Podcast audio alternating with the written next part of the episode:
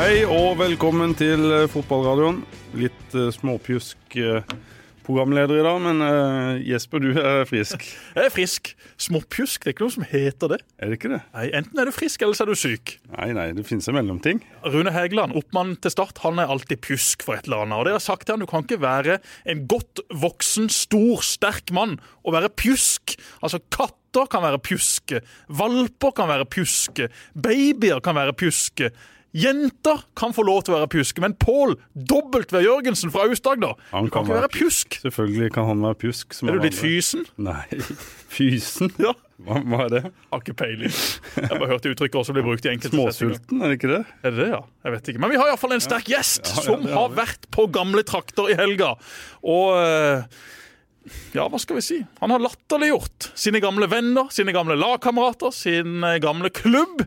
Start møtte Jerv til det vi trodde skulle bli en relativt tett og jevn kamp. Men Jerv var langt bedre i media sist uke enn de var på banen. Det endte 7-1 til Start!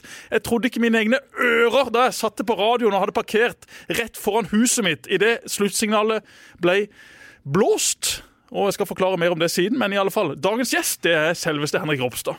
Tusen hjertelig takk. Skåra mål! Ja, det gjorde jeg tydeligvis. Så det var, nei, det var godt oppsummert det du syns denne kampen. Så jubler du mot gamle lagkamerater. Det er deilig. Ja, det- det skal være sånn. Ja, ja, vi, vi så oss etter hvem som var i nærheten da. så må vi jo vise at vi er glad. Ja, selvfølgelig. Ja, ja, det er ikke så mange mål du har skåra. Nei, det er ikke det. Da må vi i hvert fall kjøre på når vi får skåre. Du vurderte ikke å ikke juble, eller? Det gikk ikke noen tanker gjennom huet ditt? Nei, jeg er egentlig veldig motstander av det å ikke juble mot tidligere lagkamerater eller klubber. Du må feire fordi du er fra, så jeg var veldig glad. Veldig bra. Og jeg skal bare ta det først som sist. da. Jeg satt jo hjemme og så kampen eh, i sofaen. Hadde tenkt å ta turen bort til Grimstad, men eh, det gikk da ikke med logistikken på hjemmebane. Og da eh, så jeg første omgang. Da var jo kampen egentlig avgjort. Så et kvarter av andre omgang, og da måtte jeg faktisk sette meg i bilen. For Svein hadde mista sin baby-apekatt-bamse, og da var det krise. Det var hyling og grining, så jeg fikk jo ikke med meg noe av kampen uansett. Så da satte jeg meg i bilen og kjørte ut til Toys R Us, hvor vi da ikke fant en baby-apekatt-bamse, men vi fant masse annet som da kunne gjøre at dette her faktisk gikk ganske greit resten av dagen allikevel. Så parkerte jeg da hjemme, og i min Volkswagen Touareg fra 2006 så har jeg bare én radiokanal, og der snakka tilfeldigvis da Mats Westgård, vår gode venn, som da kommenterte kampen for Radio Metro eller Radio Sør, og da sa han Å, der chipper Kevin Cabran ballen i det lengste hjørnet, og det står 7-1! Så tenkte jeg 7-1? Nå har det klikka for Westgård. Gikk også inn på TV 2-appen, og de eh, hadde ikke nok folk på jobb, så den var ikke blitt oppdatert de siste minuttene. Der sto det at det var 3-4-1 eller et eller annet sånt. Så den stemte jo overhodet ikke. Gikk da inn på diverse andre bettingsider. De har jo kontroll, og der så jeg 7-1 i Grimstad. Måtte bare rett inn, spole tilbake igjen på skjermen og se den siste halvtimen for å få med hva som faktisk hadde skjedd. En enorm prestasjon av Start som uh, feide Jervabanen. Altså, det har vært lette kamper mot Jerv før. Det er jo alltid lette kamper mot lag fra Aust-Agder. Men 7-1, det var da voldsomt. Og det, var, det rant inn på slutten der, men det var en god kamp, eh, Henrik. Ja, jeg synes egentlig det. Vi var egentlig solide fra, fra begynnelsen. da. Vi får 3-0 tidlig fordi vi er bedre enn de. Så eh, det ble litt sånn, litt sånn pause etter 3-0 fordi vi måtte, måtte roe oss ned litt. Det var rett og slett for mye. Så Hva gjorde Jerv sine uttalelser med dere før kampen? Altså, Hvordan ble dette brukt i oppbygginga, i garderoben, på treningsfeltet? Nei, det er klart det, det er noe vi snakker om. Og vi liker jo egentlig at folk melder, Henrik. Ja, jeg hyller, med jeg hyller jo det egentlig, men så, så faller det litt for sin egen urimelighet når det, når det blir som det blir. Så de, de bygger seg opp på en stor høy hest, og så raser det jo når de ikke får det til. Så, Men ble det brukt innad i garderoben? Ja, det gjorde det. Av Joey eller av deres spillere? Ja, begge deler. Så Hvordan da? Joey hadde det oppe på powerpointen før kamp, og eh, vi spillere prater jo selvfølgelig om det i garderoben. Så det, jeg syns det er gøy, men det, det fyrer oss jo ekstra. Det gjør jo det. Er det dumt, egentlig, da, sett i ettertid at de gjorde det, i og med at uh, dere brukte det? Ja, altså, jeg, jeg diskuterte det litt med noen i Jerv, jeg skal ikke nevne navn her, etter kampen. Fordi de, de Daniel, Daniel Aase. Ja, det, kan, ja, det var Daniel også. Men eh, for det, han, altså Jerv hadde jo en sånn slags underdog-stempel før media begynte. Og etter alt dette så ønska jo de fleste egentlig at uh, Jerv skulle tape, fordi de hadde bygd seg opp en sånn forventning om at de var bedre enn Start. og Vi var heldige som slo de på Sør Arena. Vi var, de var sterkere enn oss, de var bedre til å spille fotball enn oss. Det var, ja, vi kunne kun bruke penger, og det var det vi var gode på. Så de fikk skifta fokus fra en sånn litt sånn søt underdog i øst til en sånn irriterende lillebror. Så det var, det var fint for oss, det. Hva syns du om det, da, Jesper? Du liker det vel egentlig, du òg? Ja, jeg elsker det jo. Jeg har gjort det sjøl mange ganger, og hadde garantert gjort det langt mer enn de Jerv gjorde hvis jeg hadde fortsatt vært frisk og kunne spille fotball. Så fotball er jo en ufarlig ting. og Det at man fyrer opp sånn før et lokaloppgjør, det, det skulle bare mangle. Og Så er det jo om å gjøre å følge opp på banen. og Når det da ikke går, så står man jo igjen som en aldri så liten idiot. Men, en loser, som Roger Ja, en skikkelig loser. Men, men, det får nå så være. Det tror jeg Jerv-spillerne også lever veldig fint med etter hvert. og Så kommer det en ny kamp, og så er på mange måter det, det glemt. Så De skapte i alle fall litt eh, interesse og blest rundt denne kampen. og Så syns jeg også det var veldig ryddig av start, og ikke denne gangen svare. For eh, Jerv er jo faktisk såpass mye dårligere og såpass mye mindre enn Start at OK, la når de holder på med sitt, så skal vi vise dem på banen. Så Det er jo på mange måter den beste responsen, selv om jeg personlig hadde gitt eh, respons også verbalt gjennom eh, diverse kanaler. Men jeg, jeg syns det er fint det. Jeg synes det er fint det at uh, Ron Astrup, Alexander Dang, Arne Sandstø sitter på kontoret der og fyrer det litt opp. Altså, det syns jeg er sånn det må være. Det er, men de var litt bleike etterpå. Jeg, ja, men jeg var jo borti, De føler seg som tullinger, ikke sant? Men det går også fort over. og Den dag i dag så tror jeg nok de har på mange måter ledd litt av det og sa OK, det var kanskje ikke den perfekte inngangen på kampen, men eh, det lever både de og supportere og alle andre veldig fint med. Hvordan var dialogen underveis, eh, Henrik? Er det sånn at dere snakker litt uh, underveis i, i, kampen, eller bare kjørte dere på? Nei, under kampen så er det som vanlig. Det er mye meldinger frem og tilbake. og Det, det hadde vært gøy å ha noen mikrofoner utpå der, for det, det, er ikke, det, er ikke, et høyt nivå på trash-talken frem og tilbake. Så det er ganske sånn barnehageopplegg. Det er det. Men, du kjenner jo noen av de veldig godt. Simon Larsen og Daniel Aase, f.eks. Er det de liksom som som du uh, kjører på, eller? Ja, men det er klart. På banen så er rullegardina ned på alle de her. Uh, Daniel blir jo som en tre år gammel guttunge som bare melder, og det, det er flere av de her som uh, ja, men det kommer vel også til et punkt da når dere leder nok, så, så det, ok, nå er det litt sånn synd på gutta. Nå kan du liksom ikke trykke de enda mer ned. Selv om jeg personlig også hadde gjort det, så vil jeg jo tro at den sperra kommer inn hos de fleste. Ja, jeg tror det òg det. Så, men så skårer Vikne 6-1 og skal feire som han aldri har gjort før. Så... Ja, Men han har jo aldri gjort det før. Nei, han har jo aldri skåret et mål, i alle fall ikke et 6-1-mål. Nei, det er akkurat det. Så det blir jo bare gøy og komisk og sånn. Og for vår del så må vi jo Vi kan ikke tenke på at Jerv skal ikke ha det så ille. Vi må kjøre på. Dette var en årets kamp for oss. Så vi, vi, skal, ikke, vi skal, ikke, dempe feiringa pga. de. Hva var det som funka i Grimstad, Henrik? Eh, først og fremst så var vi veldig godt strukturert defensivt. De, de, prøver å sette opp spillet sitt, og prøver sånn, men de, de kommer ikke lenger til midtbanen når vi får fyrt på kontinger med veldig mange gode offensive spillere. Så det er egentlig der det stopper til å begynne med, og det er egentlig der kampen blir avgjort. Kom de som venta? Eh, ja, både òg. Vi var litt snakk om 3-5-2, det var litt snakk om 4-3-3. Og når de kom i 4-3-3, så var det som vi trodde. Så ja, vi visste åssen Vi vet vi kjenner jo de så godt at uh, det var som vi venta, og vi, vi utnytta det akkurat som vi hadde håpet på. For din egen del, da. Det å eh, få en sånn type kamp, skåring. Det ble henta en ny venstreback, en ny konkurrent, så ble han skada. Så har du da vært god etter at han ble skada. Det må jo gjøre ekstremt godt også for det? Ja, det er klart det. det fotball svinger fort. Så du går fra å sitte, i, sitte litt i fryseboksen til å plutselig være utpå der og skåre mål igjen. Det, så fort går det i fotballen. så det er viktig å egentlig skal si, nyte de toppene og så ikke prøve å grave seg helt ned. Men det, man gjør jo det òg, så Men Hvordan var det da når du eh, eh, spilte 100 kamper for Start og signerte en ny kontrakt, og så henta de en eh, konkurrent? Hvordan reagerer du på det? Nei, ja, klart, skal si, Selv i prosessen så var jeg klar over at de, de måtte gjøre noe der. For vi, vi, har vært, egentlig Siden jeg kom, så har vi nesten vært dårlig skudd på venstrebekken. Så mm. at noe ble gjort, det var jeg sånn sett klar over. og skal jeg si, jeg ble utfordra litt på det selv når jeg skrev kontrakten. Jeg satt med Atle Roar at uh, når du kommer inn en, så kan du enten gi opp og dø ut, eller du kan ta fighten. og og det har jeg tenkt å gjøre, så det er egentlig ganske enkelt. sånn sett. Så må... Men kan du gjøre noe med det òg? Det ser ut som du har løfta prestasjonene. De to siste kampene har vært meget eh, gode, i hvert fall. Ja, jeg håper jo det. At, man, liksom, at man må fighte for eh, en dårlig prestasjon eller to, så er du ute av det igjen. Og det er litt sånn de ønsker å ha det. og det som vi må innrette det etter. Så det, ja, vi må ta den fighten. Sånn er det jo nødt til å være. Ja, Det er jo Det er jo bare å la seg trigge det. Det må jo mm. bare være gøy. Ja, ja, absolutt. Så du får både en fight på, i hverdagen med innad og en, eh, selvfølgelig en fight utad på banen. Så kan jo du spille i flere andre posisjoner også. Ja, selv om jeg ikke er sånn veldig fan av å være i andre posisjoner, så, så må jeg jo tilpasse meg der òg. Det er sånn at du eh, trives klart best eh, som venstreback?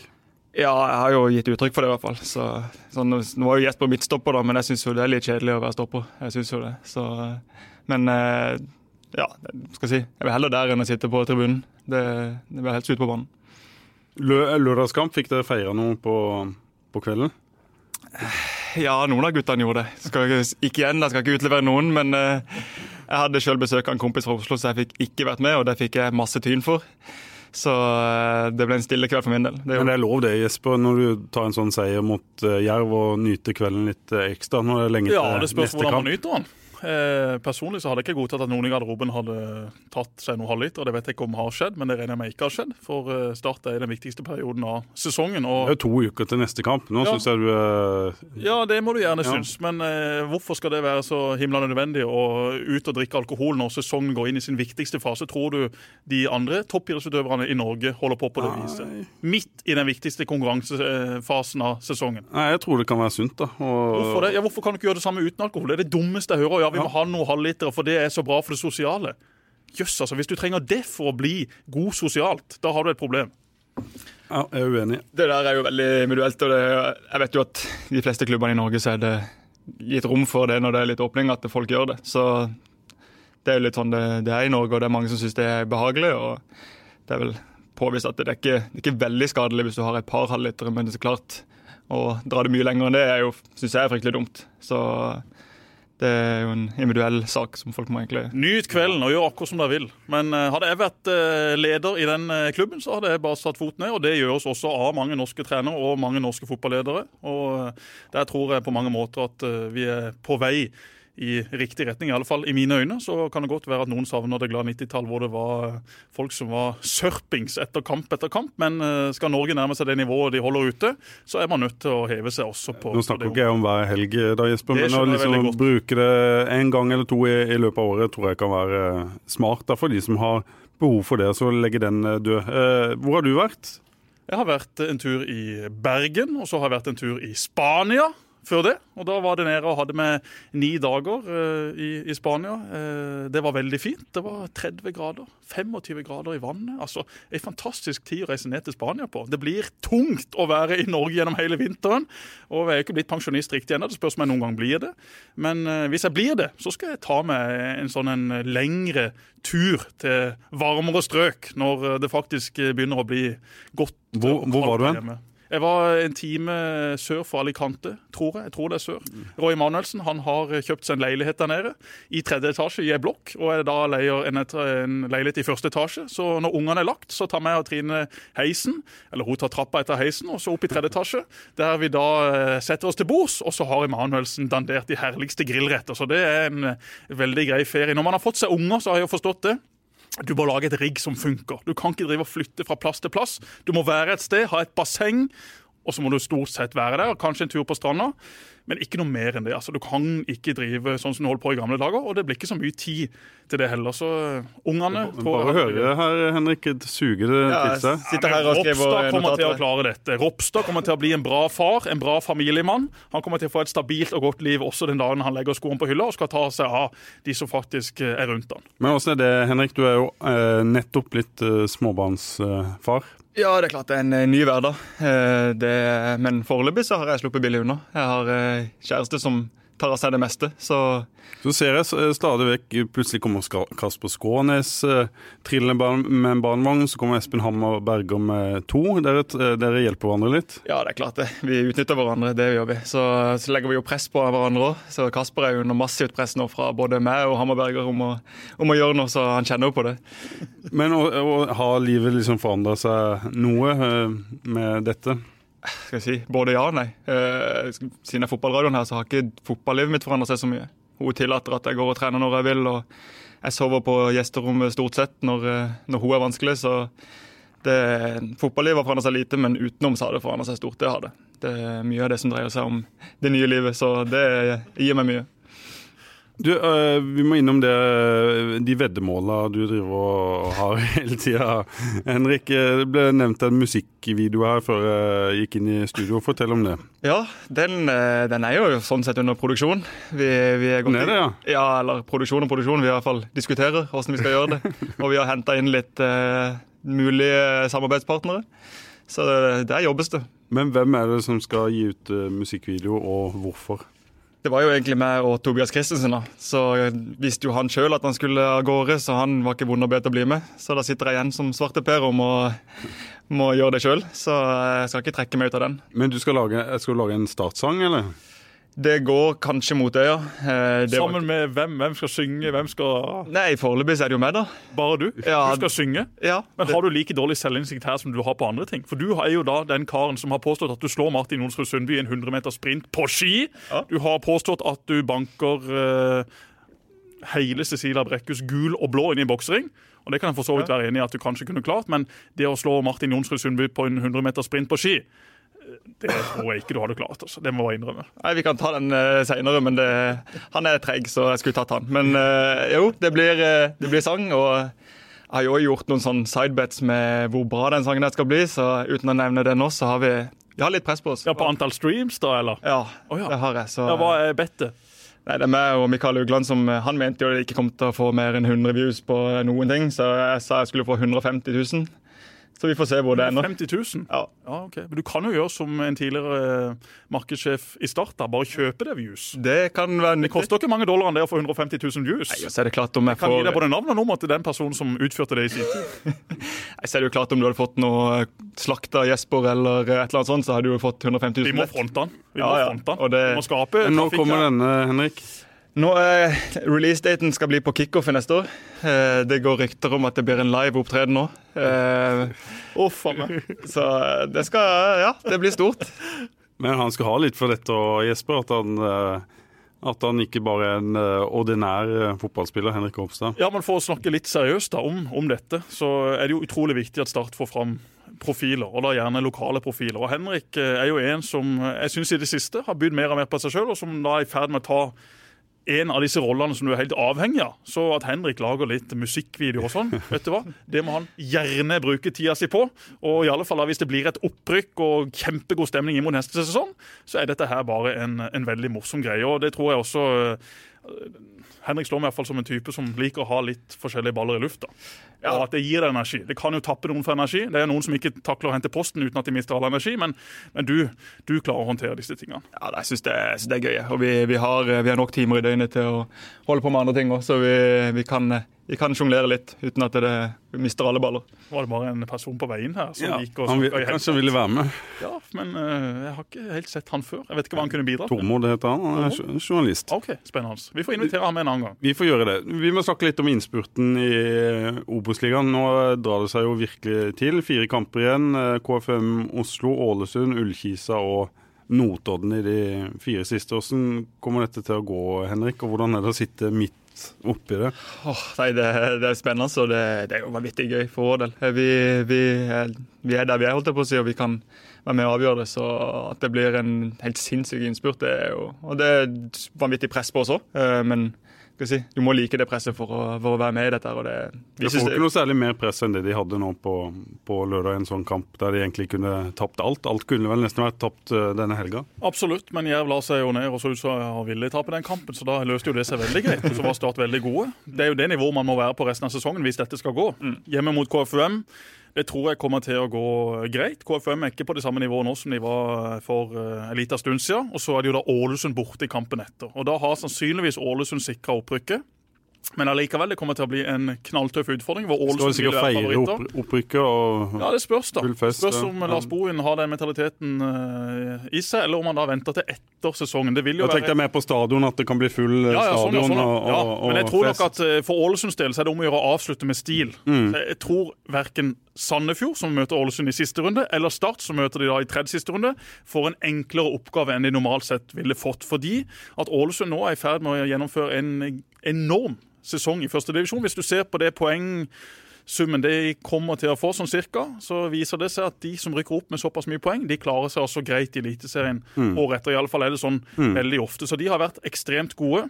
De som Bodø-Glimt for to år siden. Ja, og der er det også veldig mange spillere som vil være aktuelle for andre klubber etter hvert. Både Niklas Castro, som ble tatt ut på det chilenske landslaget nå. Altså, det er flere gutter der som har hatt en, en veldig god sesong, og som er interessert i å avslutte med stil. Så at de senker seg nå i de siste kampene, det har jeg veldig liten tro på. Så det blir en tøff utfordring for Start. Men er det den kampen der for begge lag som eh, blir nøkkelen her? Sånn, Det er jo veldig enkelt å, å se det sånn, ja. Ja. Men så er det noe som forteller meg at det kan fort bli eh, ei blemme fra enten det ene eller andre lag også. For Obos-ligaen Ja, jeg skal ikke si at det er så jevnt i hver eneste kamp, men eh, Start har slitt mot eh, diverse motstandere, og det har også Sandefjord. Sandefjord senest i går leder 2-0 mot Kongsvinger.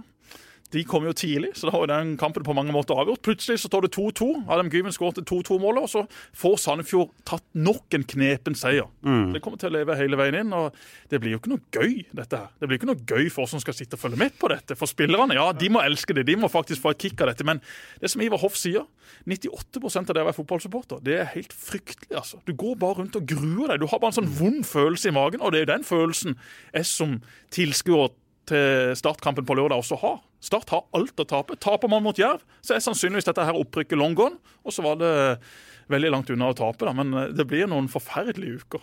Er det Kampene går vel greit, Henrik, og når kampene er i gang, så glemmer man alt det andre. Men alt det rundt og rett etterpå, sånn, er det litt hvordan Sandefjord har gjort det, som står i huet på dere, eller? Ja, nei, altså vi har sånn, i hvert fall innad så snakker vi jo veldig lite om Sandefjord. Det gjør vi. Så vi har ikke noe stort fokus på dem, men det er klart vi får med oss alt hysteriet rundt, og vi får med oss alt press og vi får med oss alle de tingene der. Men det som sier, skal du spille fotball i Start, så må du finne en måte å takle det på.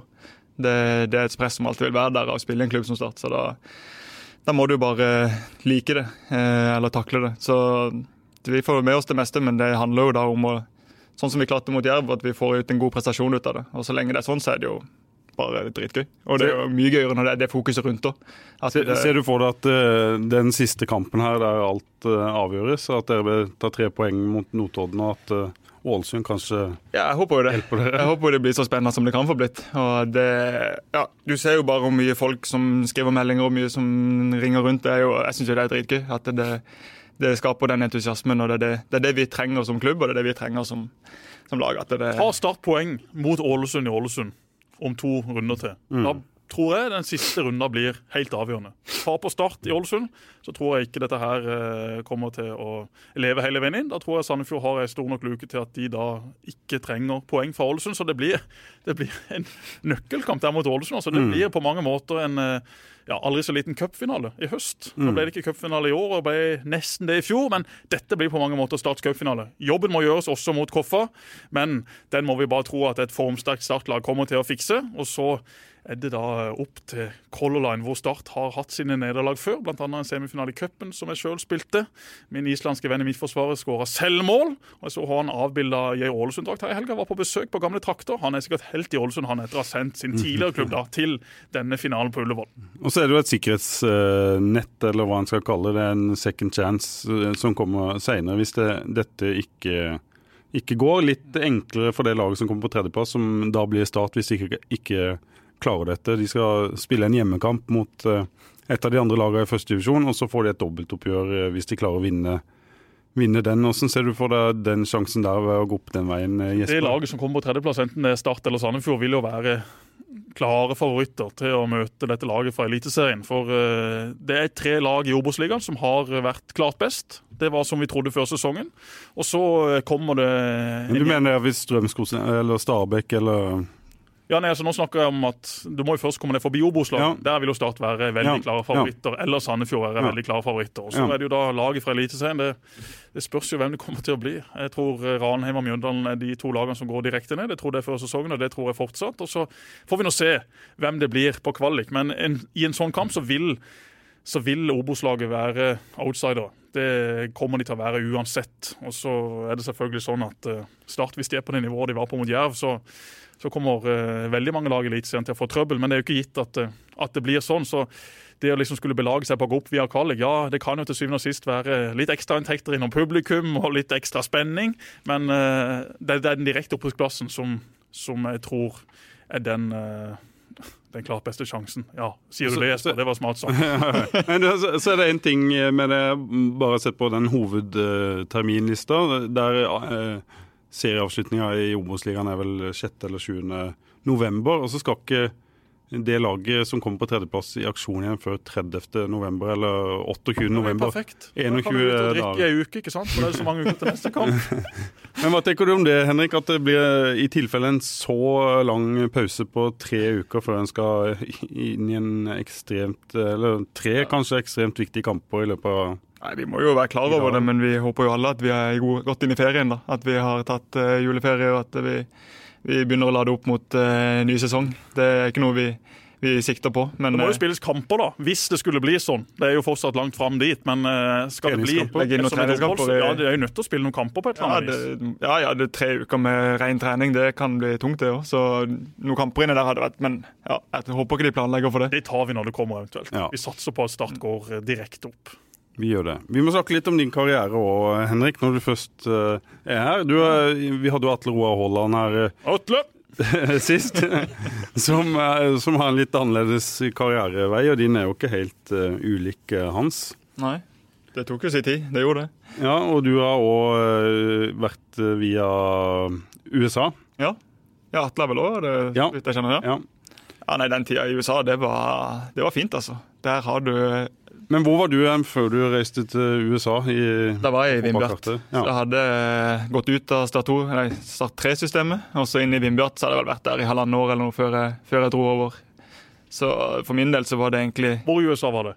Da var jeg i South Carolina. Så var vi langs kysten der med stranda. Så Ai, ai, ai. det var, ja, det var fint, altså. Det var Hovedgrunnen til at jeg gjorde det, var egentlig for å kunne satse fullt på både skole og fotball videre. At jeg ikke hadde lyst til å gi opp fotballbiten for å satse på skole, men du får det så skreddersydd der borte at eh, det er mulig å satse på begge deler. Så nei, det angrer jeg ikke på, for det Men var det det som eh, var på en måte grunnen til at du klarte å slå deg inn i toppfotballen når du kom hjem igjen, eller? Ja, jeg tror jo helt klart det at, at jeg ikke som 17-18-åring sa at nei, det gikk ikke. Men at eh, jeg sa, sa litt til meg sjøl at hvis jeg er 4-25 og fortsatt ikke, så kan jeg heller gå andre veier. Men jeg tror det er for tidlig å avskrive 17-åringer og si at du blir ikke god. For det Men var det den beskjeden du fikk i start? Ja, det var vel jo sånn Egentlig det uten at de helt ville si det, men det er jo pakka inn i, i sånn trenerspråk, som jeg kaller det. Så de sa vel Hvilken type var du da? Var du fortsatt, eller var du også da venstreback som Jeg var vel egentlig indreløper kant, eh, men eh, ja, jeg hadde vel ikke de offensive ferdighetene der. Og så kommer du til Vindbjart hvor skal jeg, si, jeg tror ti av plassene var nesten satt, og jeg kunne kjempe om en venstrebackplass. Og det var vel sånn jeg ble venstreback. Ja. Så det var vel der at eh, ja, Daniel Aase var vel venstrekant, og han skulle spille, så venstrebacken var det muligheter på. Så det var der jeg kom inn der. Og hvor gammel var du når du reiste av gårde? Til USA. Ja. Jeg var vel 17, ja, si 18-19, da. Noe Ja. sånt. Så ja, det var perfekt alder for meg å reise bort dit. Og var der hvor lenge? Jeg var der i halvannet år. Eh, planen var egentlig å være der fire, men eh, etter halvannet år så fikk jeg sjansen til å trene med et MLS-lag. Og da måtte jeg melde meg ut av skolesystemet pga. sånn profesjonalitetsregler og greier. Ja. Så den sjansen valgte jeg å ta. Så da, Hvem trente du med, og, og, og hvordan var det? da trente jeg med San Jose Earthquakes. Så det var jo dritkult. Eh, jeg skulle egentlig være der i to uker, endte opp med å være der i tre måneder. Så de brukte meg opp hele preseason, og så til slutt sa de at nei, det blir ikke noe. Så det var jo eh, takknemlig for det. Laget til så er det, var, var det der han spilte senere? Jeg lurer på det med i hvert fall at Clarence Goodson endte opp der etter hvert. Det var ikke lenge etter jeg var der, så dukka han opp. Så nei, jeg angrer ikke et sekund på det, altså. Å være med de i tre måneder og spille kamper der, det var Hva kan eh, norske klubber eller norsk fotball lære av det du lærte borti USA? Hva gjorde de annerledes der som du tenker ah, hvorfor gjør vi ikke sånn i Norge? De trener mer og hardere. Eh, Jeg tenker at som, som si 17-18-19 år så kan du, kan du trene hardt to-tre ganger om dagen uten at det, du, har, du har kroppen til det. På et eh, seniorlag hvor du har spillere på 30 år, så må du ta hensyn, men ja, vi trente gjerne tre ganger om dagen, eh, ofte i sesong. Ja, hvordan var det å trene tre ganger om dagen i sesong? Hva gjorde dere? Nei, det er klart det var, det var tungt, men vi hadde morgenøkt med styrke på ca. en time. Eh, Kom tilbake i lunsjen, trente teknikk en times tid. Og så var det liksom tilbake på skolen mellom øktene, og så var det hovedøkta var i tretida, hvor du hadde en klassisk fotballøkt. Så du hadde en styrkeøkt og en teknikkøkt hver dag, i tillegg til fotballøkta. Og det, du får så mye touch, du får så mye styrke, du får så mye inn, mengde inn i treninga at det, det, det hjalp meg veldig. Men eh, når du kom tilbake da, eh, hadde fått avslag fra MLS, var du fortsatt der at du, du trodde du skulle bli fotballspiller, eller? Jeg hadde jo veldig lyst. Så jeg, jeg hadde jo planen om at reise hjem og så se, se mulighetene her. Men da, da kom jeg jo vel i mars, april, mai, så det var jo ikke sånn at eh, jeg hadde mulighet til å reise rundt noe sted. Så da, Plukka Steinar Skeie deg opp igjen? da ringte jeg Steinar Skeie, og han var heller ikke på noe B den gangen. Så jeg gjorde det samtidig som jeg meldte meg inn på UiA og egentlig klarte sånn å fullføre begge deler der. Eh, Så gikk det ganske fort frem til Jerv-tida. Ja. Og det ble jo ganske kontroversielt når du valgte å gå fra Vindbjart eh, til Jerv, som den gang var i samme divisjon. Ja, det var jo ikke populært. Så eh, jeg har jo klart å bli venner med Steinar igjen etter dette. her. Det tok jo tok litt tid før vi var, før vi var der igjen.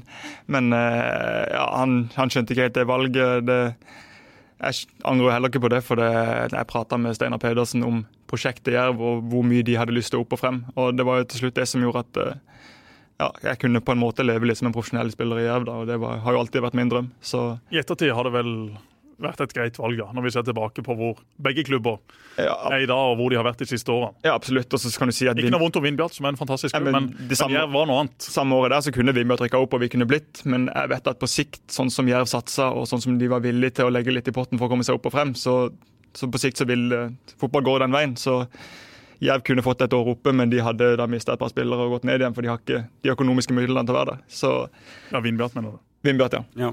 Mens Jerv har ville bygge en klubb, så da, da var det veldig spennende. Hvordan var det oppholdet ditt i, i Jerv? Ja, det var egentlig en eneste stor opptur. Det var Ja, det er jo en fantastisk fin klubb og alt det der, men vi hadde en skikkelig sportslig, sportslig opptur i tillegg, så det var egentlig Ja, det gikk bare rett opp, det.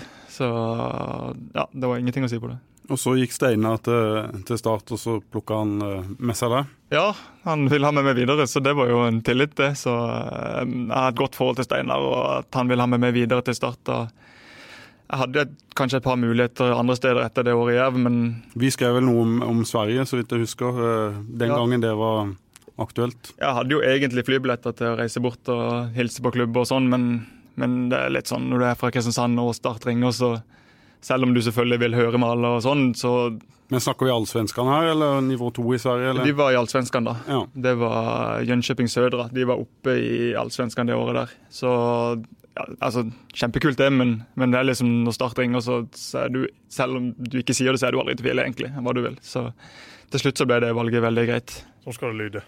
Sånn skal det lyde. Tenk deg det. Rolf Daniel Vikstøl, aldri vært i Sverige. Det, Aldri vært i Sverige, altså. Vår kjære venstreback borte i Stavanger. Han har aldri vært i Sverige. Han kom seg til Stavanger, da. Det var Han kom seg til Stavanger, men han har aldri vært i Sverige. Tenk deg det. Jeg har heller ikke vært i Sverige så veldig mange ganger, men jeg har jo vært i Sverige. Er ikke det veldig merkelig Jo, at en kar på 30 år som er litt bereist, ikke da har vært Jeg har en kollega fra Kristiansand som var i Arendal for første gang i, i fjor. Og hun er jo over 40 år. Arendal er jo ikke et sted du er hvis ikke du må. Nei, kanskje ikke. Men hva skjer med Arendal, da? Pål Jørgensen. Nei, nå følger jo ikke jeg Nei, godt. ikke heller, men jeg bare ser på resultatene. Og det har jo blitt en veldig skuffende sesong. Jeg trodde kanskje de skulle gå opp, her, altså. Ja.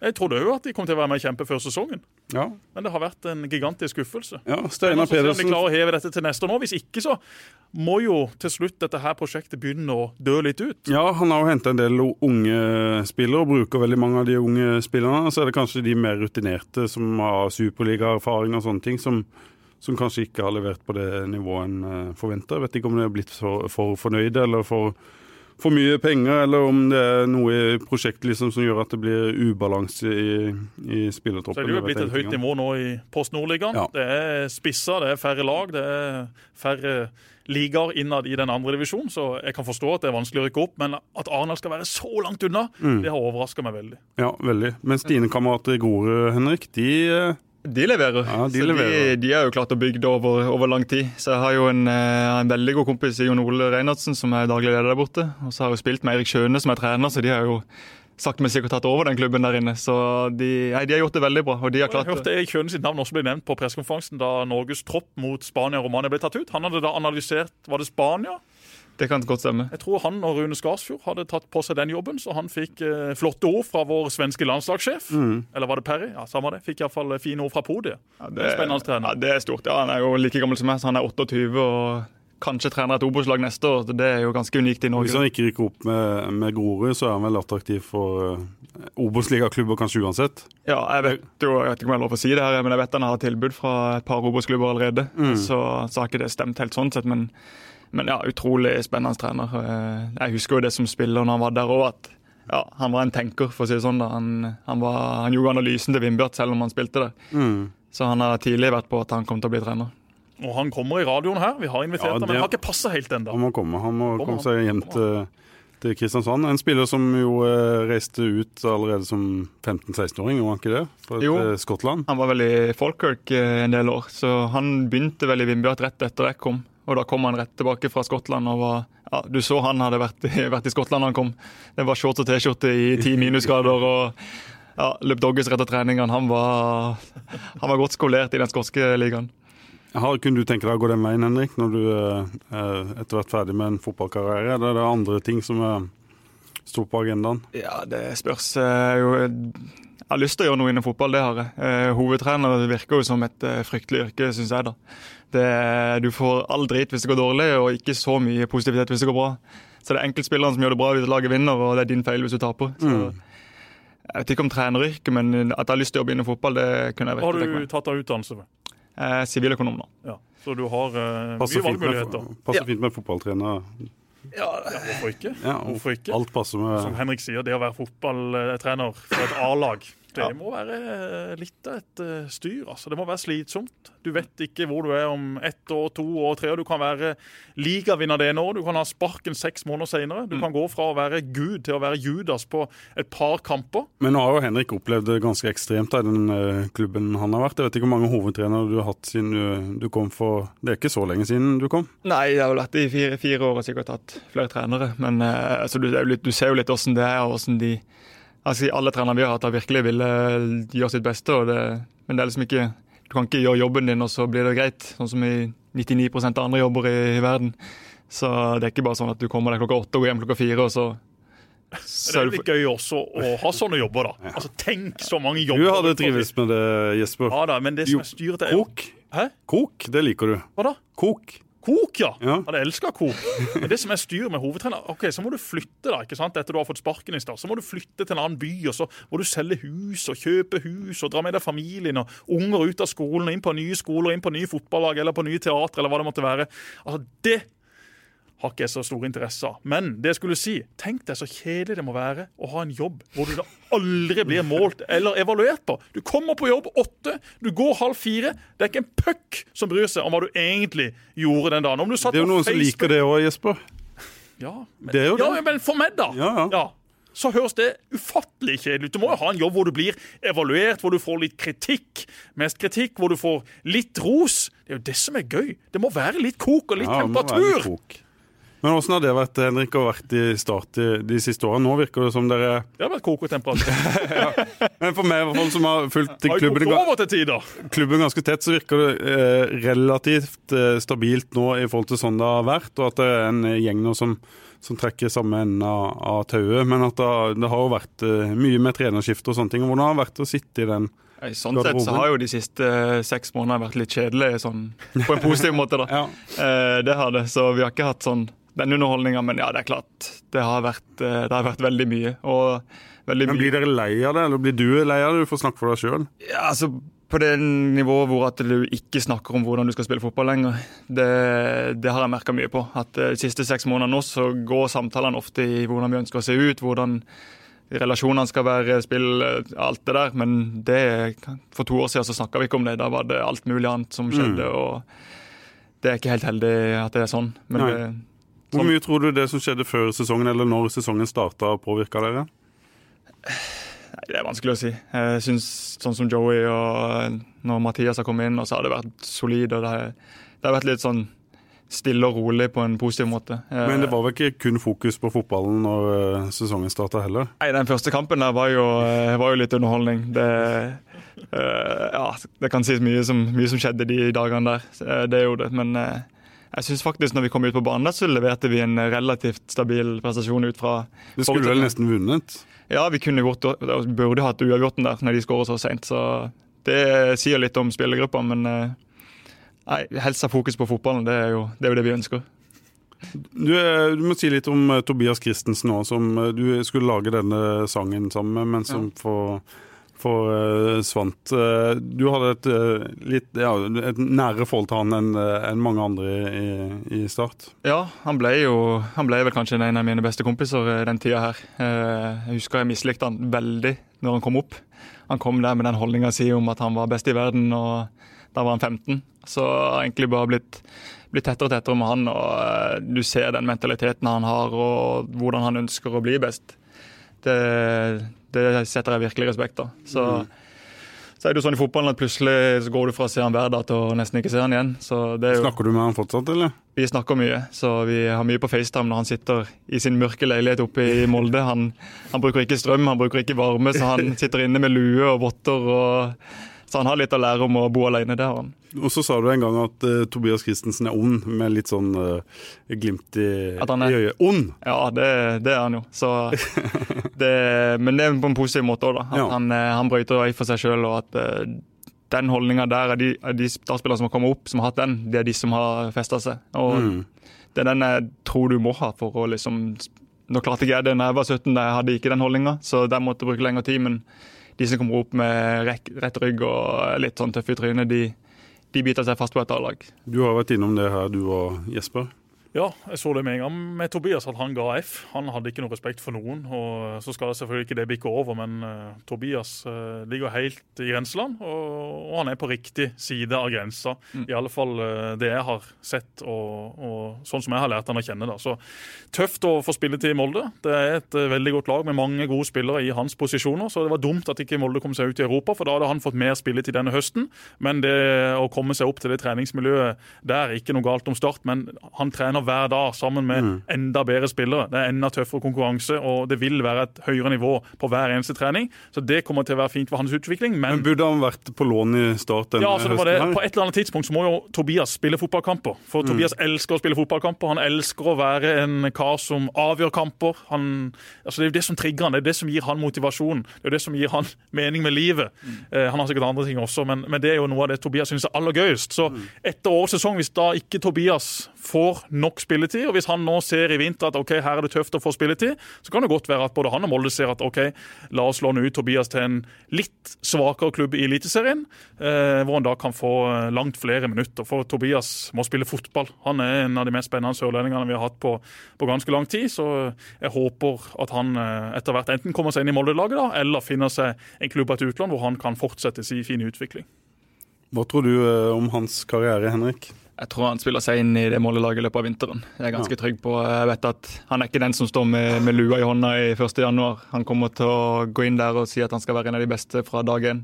Mm. Og det er det som gjorde at han brøyta seg vei i start. eh, Og det er akkurat det samme som kommer til å skje der oppe. Ja, Han har jo fått noen minutter allerede, og jeg så bl.a. ei aldeles strøken utsidepasning med venstre hans her. Jeg husker ikke hvilken kamp det var, men jeg, jeg så iallfall det på eh, et eller annet TV et eller annet sted. Jeg husker ikke helt hvor det var.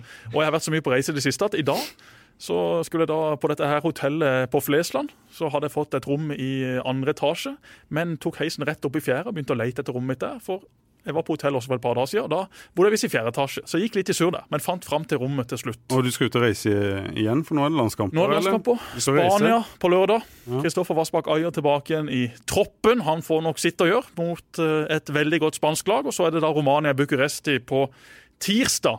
Men er det spanske laget så bra som eh, folk skal ha det til eh, lenger? Nå ser Jeg bare gikk gjennom eh, troppen. Det er ikke, det er ikke der de var. Nei da, Spania er ikke verdens beste landslag akkurat nå. Det er de ikke, og det har jo også mesterskapene vist. Men Spania er nå samtidig et av de beste landslagene i verden. og Selv om kanskje ikke alle navnene er like godt kjent for oss her i Norge, så, så er det jo spillere som spiller på et ekstremt høyt nivå. Og de har fortsatt en del typer i det laget der som, som holder en skyhøy klasse. Så får Norge med seg noe fra kampen på lørdag, så skal de være fornøyde. Og de trenger å få med seg noe. Hvis ikke så ser det blytungt ut med tanke på å bli blant de to beste i denne gruppa. Men det passer Lagerbäck å møte sånne type lag? Ja, det gjør jo egentlig det. Det, gjør jo egentlig det. Men passer det det norske forsvaret å møte den type lag? For Mm. både mot Sverige og Romania på Ullevål så har det norske laget falt sammen. og de hadde initiativet og de hadde ledelsen i begge kampene. Det er jo det som er så tungt når du Mm. nå sitter og ser på den tabellen. Tenk hvis Norge faktisk bare hadde vært litt mer solide i disse kampene. Så hadde Norge hatt fine muligheter til å bli blant de to beste og rett inn i sluttspillet neste sommer. Sannsynligvis nå Hadde de tar tatt tre poeng mot Sverige og Romania, så hadde de nesten Ja, de hadde det. Og nå blir det sannsynligvis da Nations League som blir Norges håp. Eh, Det,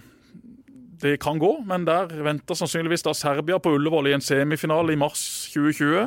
Det sier seg selv at hvis du ser på det serbiske laget, så vil Serbia være en tøff motstander der også. Dumt at Braut Haaland måtte melde forfall. Det hadde vært gøy å se han og King på topp sammen med Ødegaard.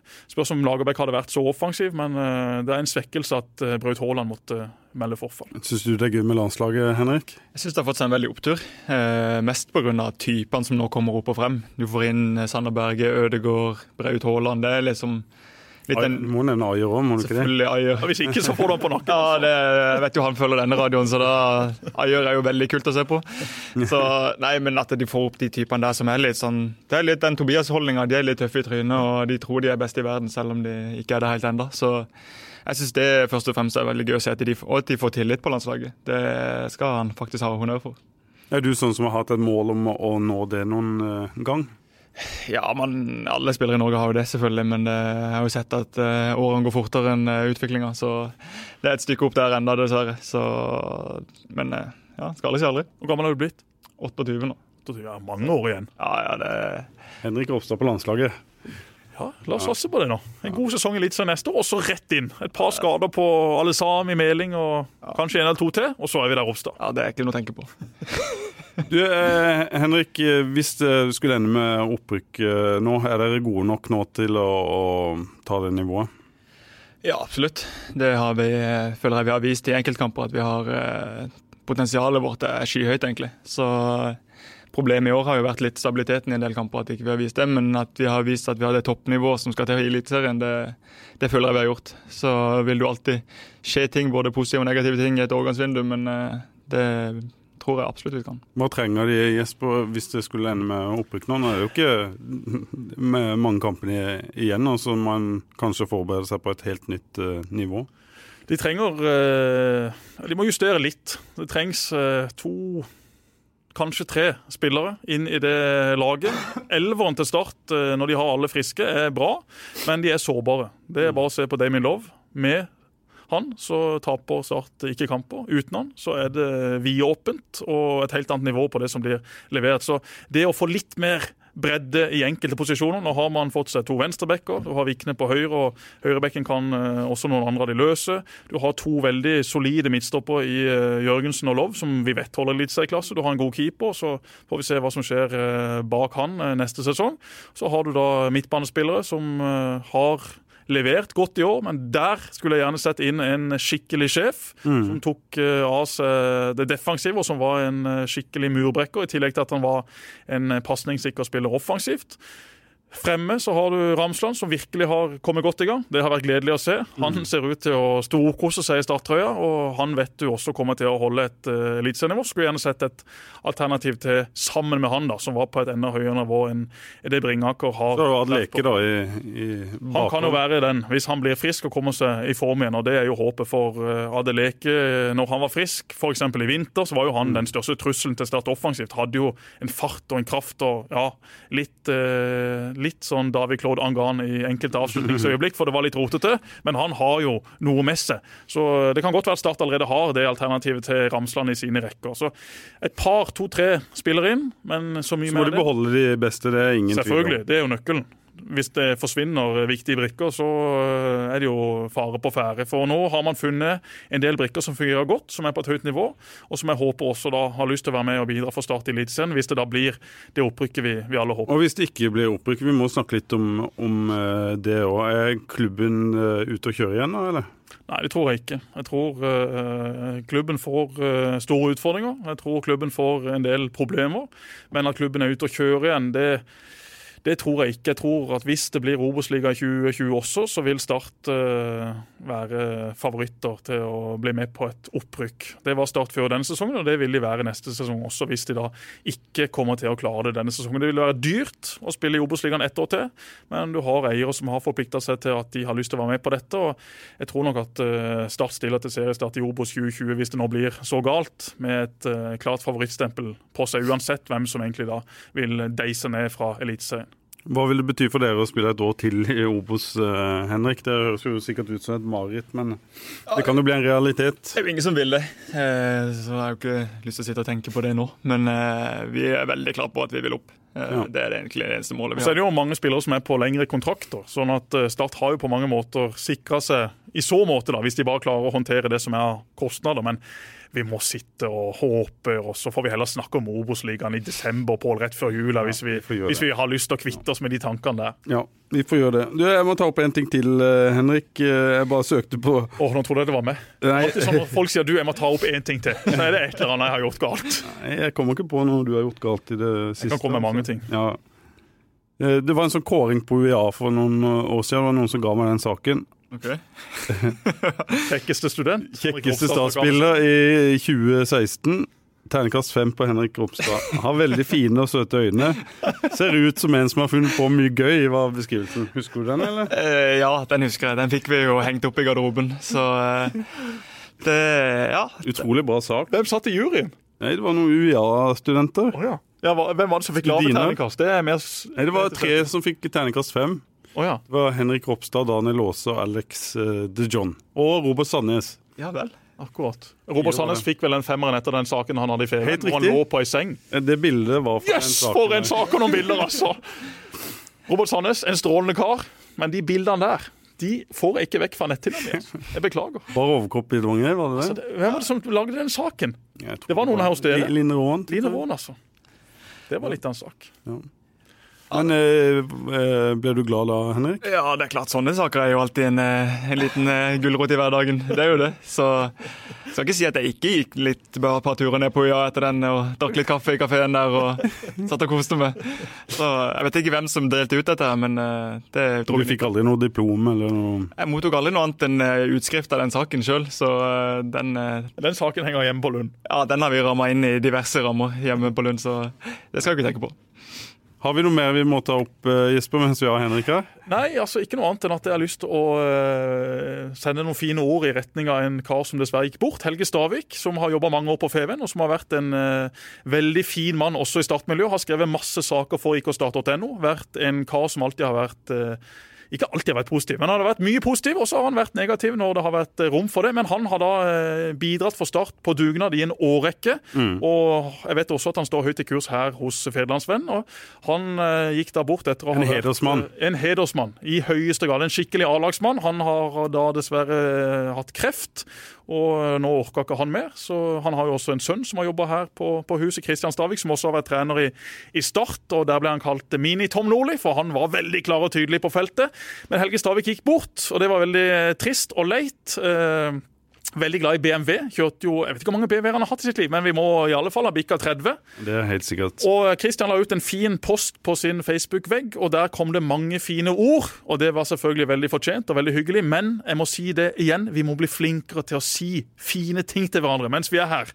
Helge Stavik visste at veldig mange satte pris på han, fikk garantert masse fine ord, men på generelt grunnlag så syns jeg det er litt trist oppi det hele at idet folk går bort, så skal de hylles. Altså, Vi må bli flinkere til å si ting, skrive ting, sette pris på de rundt oss. altså. Vi er altfor dårlige til det. Og i en begravelse, ja, da kommer alle de flotte talene, alle de flotte ordene. Jeg hadde på det samme måte med pappa. Skrev en bok om pappa, masse fine ord, holdt en fantastisk tale, men det hjelper jo ingenting, for pappa hørte jo ikke det.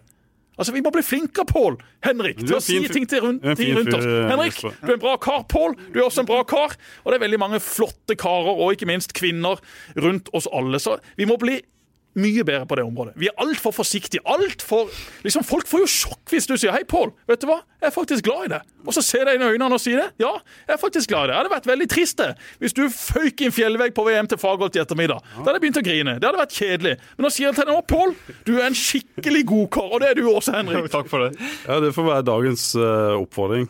Du er en bra mann, eh, Jesper. Jo, takk for det. takk for det, takk for det. Henrik, kan ikke du si noe til meg? Jo, jeg er veldig glad i det. Jesper. Veldig bra. Jeg er veldig glad i deg. Takk i like måte. Og jeg er glad i dere alle som hører på denne podkasten. Ja, det er vi alle. Takk for i dag.